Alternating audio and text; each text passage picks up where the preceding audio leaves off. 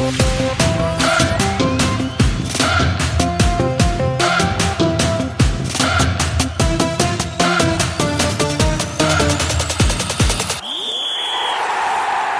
og velkommen til en ny episode av eh, Oddspodden, som er laget i samarbeid med Common. Jeg heter eh, Frode Lia, og jeg har med meg oddsekspert Lars Dybwad tidligere hårfager, fotballproff og nå fotballekspert Torstein Helstad. Velkommen, gutter. Tusen takk, Frode. Tusen takk. Takk for det, Frode.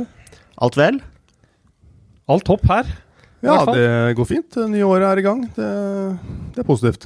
Vi må jo si, eh, vi har jo penger i banken. Eh, det gikk eh, riktig så bra siste runde. Eh, vi hadde fire spill, hvor eh, tre av dem eh, gikk inn. Vi hadde Valencia til 1-6 som eh, gikk inn. Jeg sa vel at eh, den oddsen burde ha vært rundt eh, 1-4. Eh, men jeg skal være såpass ærlig og si at Valencia hadde litt marginer på Så oddsen var kanskje riktigere. Torstein, du spilte Fullham til eh, 2-10. Den satt jo som en kule. Ja, det er Stefan Johansen. Han var inne med en nazist i 78. eller 72. minutt, så det, det var viktig. Ja. Fortjent Så, så du kampen? Det gjorde jeg ikke, men jeg hørte at det var fortjent til slutt, i hvert fall. Ja. Uh, og du, eh, Lars, du hadde Roma minus 1,5, var det det? Uh, ja, det var minus 1, så det hadde blitt pengene tilbake med, med ettmålsseier til Roma. Det ble det jo ikke. De Roma bombarderte målet. De hadde 31 avslutninger, tror jeg. 14-3 corner og Ja, Den kampen eh, så jeg også. Ja, så det var litt sånn Hvis vi fikk noen marginer i Valencia, så mista vi det kanskje i Roma. De, de tapte jo 0-2 mot Torino da. Belotti eh, skårte to eh, nydelige mål, og det kan man ikke si på. De tok sjansene sine. Roma gjorde det ikke. Så game Og over. Mkhitaryan han bomma på noen helt, helt grove. Ja, han skylder oss noen kroner, for Ja. å si det sånn. I tillegg så hadde du Inter eh, Draw No Bet, og den eh, til 1,95, var det ikke det? Jo, løpene var 1,94, vi sa i poden i hvert fall. Den uh, suste inn som var det. De vant 3-1. Eh, vi snakka litt om spissene, Lukaku og Lautaro Martinez eh, på forhånd. og Man trenger ikke være noen spåmann for å skjønne at de skårer, men det gjorde de. og Det var en overbevisende forestilling av Inter i en viktig kamp for dem borte mot Napoli. Uansett, da gikk vi 1,69 units i eh, overskudd på første runde. Eh, det er ganske bra, det, gutter. Ja, det er det jo. Pluss i er boka er alltid bra. Det var et fint overskudd òg, så bare feire det. Ja. Eh, vi begynner i Premier League denne gangen. Eh, og Tottenham-Liverpool. Det er en sen kamp på lørdagen. Hurricane Harry er nå ute med strekk i baklåret. Du som har spilt, og jeg, jeg antar at du også har hatt eh, strekk før, eh, Torstein. Eh, hvor lenge sitter noe sånt nå i? Nei, ifølge Mourinho så var det her en ordentlig strekk. Og det er jo Man sier jo fire til seks uker. um, de får sikkert en enormt bra oppfølging som de får i de klubbene der, men um, begynner du for tidlig, så slår du det fort opp igjen. Og da jeg kan tippe at det tar, det tar nok kanskje en fire ukers tid før vi får se Tottenhams desidert viktigste spiller på banen igjen, vil jeg tippe. Har du hatt eh, strekk selv, eller? Jeg har hatt eh, én strekk i låret, og den tok karrieren min. Så det er, eh, det er noe man eh, helst har lyst til å holde seg unna. Altså. Så du måtte legge opp pga. en strekk? Ja, det, jeg sleit veldig med å komme meg tilbake etter den uh, som jeg dro på meg uh, i min siste sesong i Lillestrøm. Det tok altfor lang tid, og grodde ikke og den biten der, og begynte kanskje litt for tidlig igjen, og da kom han seg aldri ordentlig tilbake. Skjønner. Uh, I tillegg så er uh, Moussa Sissoko er ute med kneskade frem til april. Som nevnt, Harry Kane er da ute med strekk i baksidelår. I tillegg er uh, Danny Rose fortsatt tvilsom. Og eh, mange spekulerer i at uh, Jan Fertongen kommer til å starte som uh, venstreback. Uh, I tillegg, Liverpool går som toget. Sett bort fra Fabinho, uh, som er skadet, kan eh, Liverpool eh, mønstre et eh, tilnærmet toppet lag. Eh, oddsen er nå på 1,64 hos Common. Jeg tenker at eh, riktig odds er rundt eh, et sted mellom 1,5 og 1,55. Eh, så jeg spiller eh, Liverpool strak, jeg. Borte mot Tottenham. I tillegg så har vel Liverpool vunnet de to siste bortekampene mot Tottenham. Jeg ser heller ingen annen grunn til at Tottenham skal slå dette Liverpool-laget. Um, når du tar med alle de som er borte, pluss den viktigste som skårer de fleste av målene deres, Mm. så er umu Liverpool er jo i det umulige hjørnet om dagen. Uansett hvilken elver de stiller på banen, så er det jo umulig å ta. Så um, nei, jeg skjønner det veldig godt, og det er jo egentlig en uh, finfin odds også på en uh, borteseier til Liverpool. Det er ikke så lett å sette odds på Liverpool. da, det er, Hva gjør du med et lag som vinner hver eneste kamp, eh, praktisk talt? Det, er, eh, det må være en utfordring for oddsetterne å sette odds, og sånn sett så er jeg helt enig i at 1,64 er eh, hyggelig betalt. Det, det eneste man kanskje kan se som scenario, er at dette er jo en, en, en perfekt kamp for Mourinho, som har Først så hater jo alle Liverpool han. Og mm. etter mange mange tette møter, særlig i Chelsea, da, eh, de var en periode hvor de møttes åtte 80 ganger i året omtrent, i cuper og Champions League. Ja. Og eh, nå har det kladda litt for Mourinho. Denne kampen er det ingen som kan forvente noen ting av det Tottenham-laget. Han kan egentlig parkere bussen med god samvittighet, kjøre en 3-5-2 og legge wingbacker på, ja, på Liverpools eh, offensive backer. Og Kanskje roer han en 0-0 som han har klart før i lignende situasjoner mot Liverpool i, i tittel, uh, i tittelutfordret situasjon. Så, men 1,66 på et lag som aldri taper og egentlig aldri spiller øvert heller, det, det er jo bare å ta. Altså, det- 1,64, unnskyld. 1,64, ja. Eh, Men det er jo sånne argument som veldig mange bruker eh, på managere. At de er den type managere, de kan parkere bussen osv. Jeg mener at det er et veldig sånn overvurdert eh, argument, fordi tross alt, det er ikke Mourinho som spiller den kampen. Eh, og eh, Tottenham har, har ikke sett veldig solide ut defensivt, selv med en godt defensivt skolert trener eller manager som Mourinho. Nei, og det, det er vel det som var. Det virker som de ikke har helt kanskje troa, og vil gjøre det på den Mourinho-måten som han har gjort i Chelsea. Mm. Et mer spillende, i hvert fall de bak der, er mer spillende enn kanskje de, de var i Chelsea-tiden når han styrte holdt på der. Eh, Tottenham var jo bunnsolide bakover i fjor. Mm. Så de har jo muligheten til å, å stenge igjen de hvis de vil, for all del. De har jo spilt med en treer bak eh, før med eh, og klart det med bravur, liksom. Men um, for meg så virker det ikke som om de har helt troa på den uh, Mourinho, om det var rette mann inn. Det skal ikke jeg være uh, rett mann til å si, men han har i hvert fall ikke fått inn det som er kjent Mourinho-stil. Mm.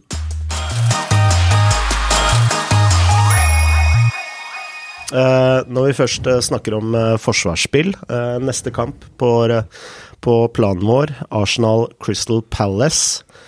Eh, på de fem siste kampene har Arsenal kun sluppet inn eh, tre mål. Hva er det Arteta har gjort med Arsenal, eh, Lars? Altså, han har vel på mange måter hatt en litt takknemlig oppgave. Tatt tak i et Arsenal-lag som egentlig ikke hang sammen i noen bauger og kanter. Spillerne så jo til tider ut som de ikke ante hva de skulle gjøre, og det var uh, mange forskjellige systemer og kombinasjoner av duoer og trioer eh, her og der. Mm. Det var mye rør, da, så han har vel gjort som uh, manager ofte gjør når de tar over.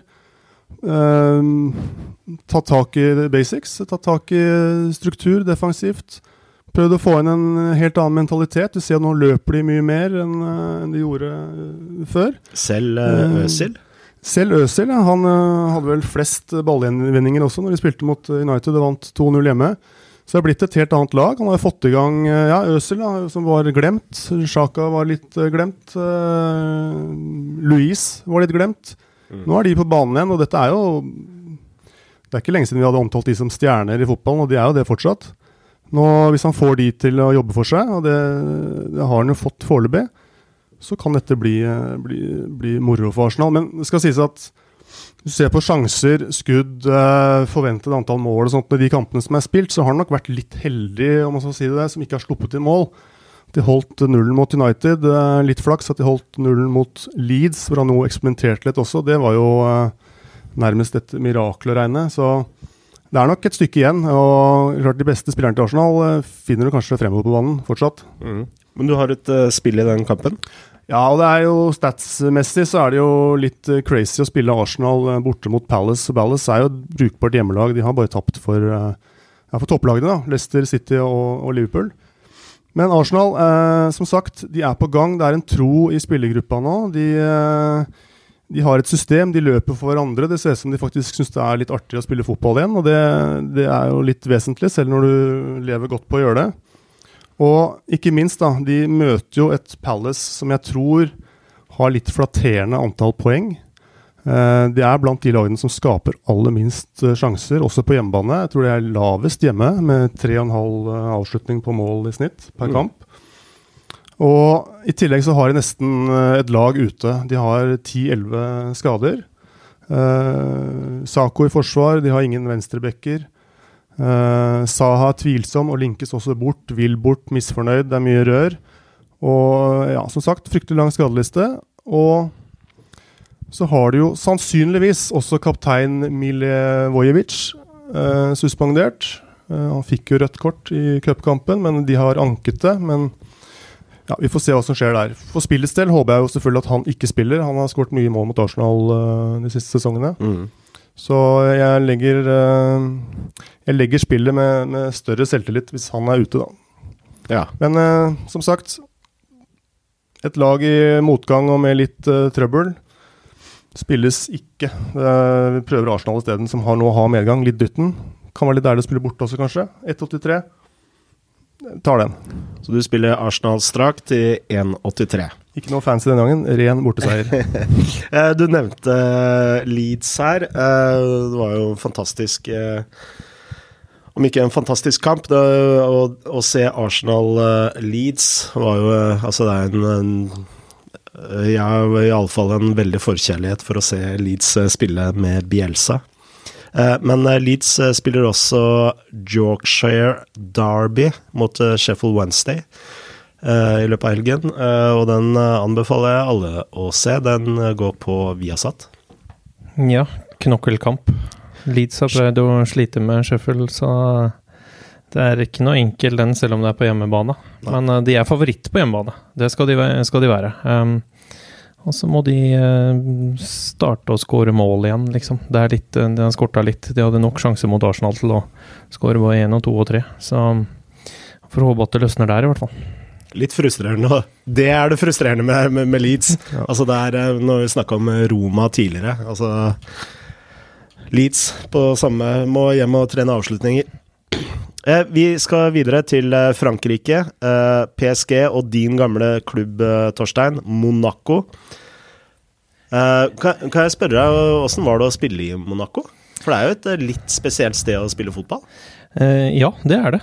Det er veldig spesielt. For meg så var det jo Jeg kom jo til en klubb som hadde rykka ned til league dø. Um, litt sånn halvveis oppløsning. Um, masse unggut- unggutter inn. eh, de fleste stjernene forsvant. Og um, en urutinert trener som var der det halvåret, første halvåret. Og da lå vel nest sist i league Dø, liksom. Det var jo ikke forventa. Og så kom uh, russiske Romylov inn og kjøpte et nytt lag til uh, i vinterpausa. Ja. Og da ble det vel to poeng unna å rykke opp uh, på våren der. Ja. Og etter det så har det jo egentlig bare løsna ordentlig når han fikk lov til å bruke de pengene han ville. Mm. Så, men det er liksom sånn, litt sånn surrealistisk, for det er jo ikke en det er jo ikke et sted som kjempekjærlighet for fotballen. det er jo ikke det. Nei. Men det er masse italienere som kommer og ser kamp. Eh, Det er vel stort sett det, egentlig. Det er litt eh, å leve det søte liv, da. Det, det ble, ja, det blir jo det. Det er veldig enkelt å gjøre det. Så alle andre gjør det jo. Så. Syntes det på vekta òg, eller? Uh, ja, sånn etter nyttår, når man ikke var i nærheten av å spille fotballkamper et halvt år, så ble det jo litt andre fristelser. Det skal jo sies, så klart. Så, men uh, herregud, det er gøy å bare ha vært der et år og se hvordan det, det funker i uh, fyrstedømmet. Mm. Men eh, artig med Monaco. De ble jo på en måte ja, Denne russeren kom inn, satte sammen et sykt storlag. Masse storspillere. Mbappe og Silva og Mm. Mendy. Og så vant de ligaen, og så ble på en måte det laget demontert litt sånn gradvis igjen. Ja, han hadde vel en ganske dyr skilsmisse. inni uh, der. det er vel kanskje verdens, verdens største ja. Eller verdens dyreste skilsmisse noensinne? Ja, det er det. Og da røyk, da måtte du selge unna. Og det gjorde han jo. Han hadde jo nok av spillere å selge, selge unna til gode penger. De fikk jo inn mye penger, men han ville ikke satse helt på samme måte, og det er jo forståelig. Når vi snakker om Mbappe uh, og PSG Mbappe og Neymar er plutselig bestevenner?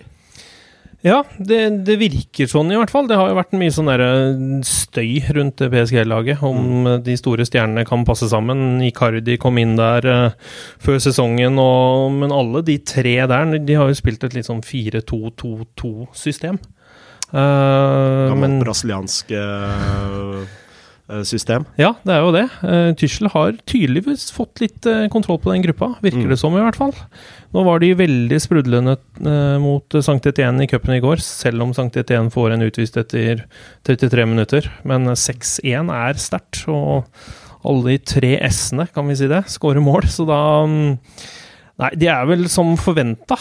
vant vel 4-1 siste seriekamp før vinterpausen også, så um, det, blir i hvert fall, det skåres i hvert fall mye mål med PSG på banen. Men du har et spill i den, eh, den kampen? Ja, det er eh, noen som jeg har sett også forventer vel kanskje at Monaco skal klare å bite litt bedre fra seg. Med slo Lill 5-1 før eh, vinterpausen. Det er sterkt av et Monaco-lag som holdt på å bli drept av Thierry Henry i starten av sesongen. Det er jo helt forferdelig hva han holdt på med.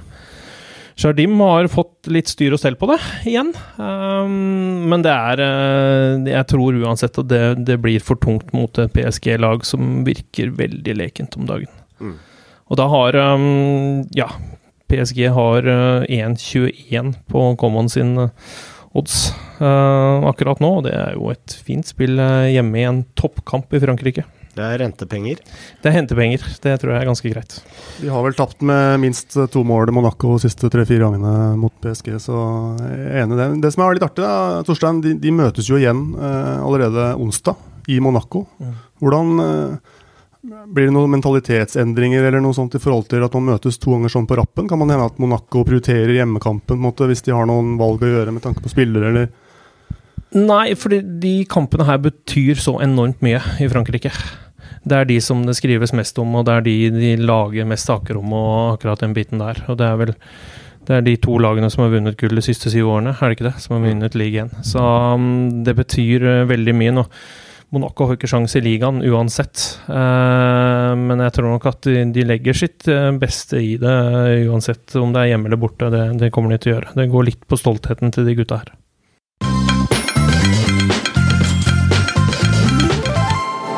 Vi uh, går videre, uh, og vi skal til uh, Italia. Og der har jeg et spill. Og vi skal til Lazio mot Napoli. Lazio har toppskåreren i Italia med Ciro Immobile. Napolis Milik er også i skåringsform. Han har nå fem mål på de siste fire kampene. I tillegg, Napolis forsvar ser ut som en uh, sveitserost og uh, henger ikke sammen i det hele tatt. Uh, og man kan jo også sette spørsmålstegn med motivasjonen til hele Napoli, med tanke på alle de problemene og dårlige stemningen det har vært i, i, klubben, med tanke på eier, Angelotti ut, Gattusso inn, osv. Lazio har et uh, skåringssnitt på 2,35 per kamp. Det er veldig bra. Uh, Napoli har et skåringssnitt på 1,55, som ikke er fantastisk, men det er uh, helt greit. De siste innbyrdes kampene mellom disse to lagene har alle gått over 2,5 mål. Jeg tenker at riktig odds på over 2,5 bør ligge rundt 1,4, eh, men du eh, kan få den til 1,50 blank hos uh, Common. Hva tenker dere, gutter? Jeg tenker at Lazio er jo eller har vært, er jo riktig å si, alene et over 2,5-lag på hjemmebane. De har jo skåra 24 mål på åtte kamper, mm. som er tre mål i snitt alene. Så slipper inn litt mål også. Og ja, mot et Napoli som som muligens prøver hardt nå å få den ut av denne sesongen, men eh, de lekker som bare det. Og samtidig som de kanskje kan regnes å putte ett. Så det høres ut som et bra spill, ja.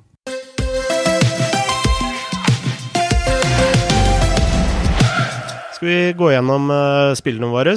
Uh, jeg har Liverpool til 1,64 i, i, odds hos Common, og jeg har over 2,5 i Lazio Napoli til 1,50 blank hos Common.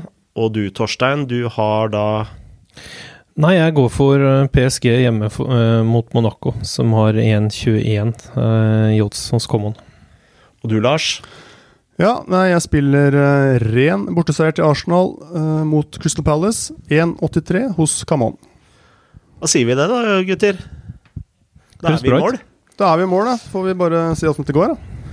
Uh, vi får tvinne tommel, tommeltotter og tær og alt det som kan tvinnes. og så møtes vi igjen neste uke for nye spill. Høres veldig bra ut. Jeg vil si lykke til, og takk, takk for oss. Takk for oss. God helg, folk.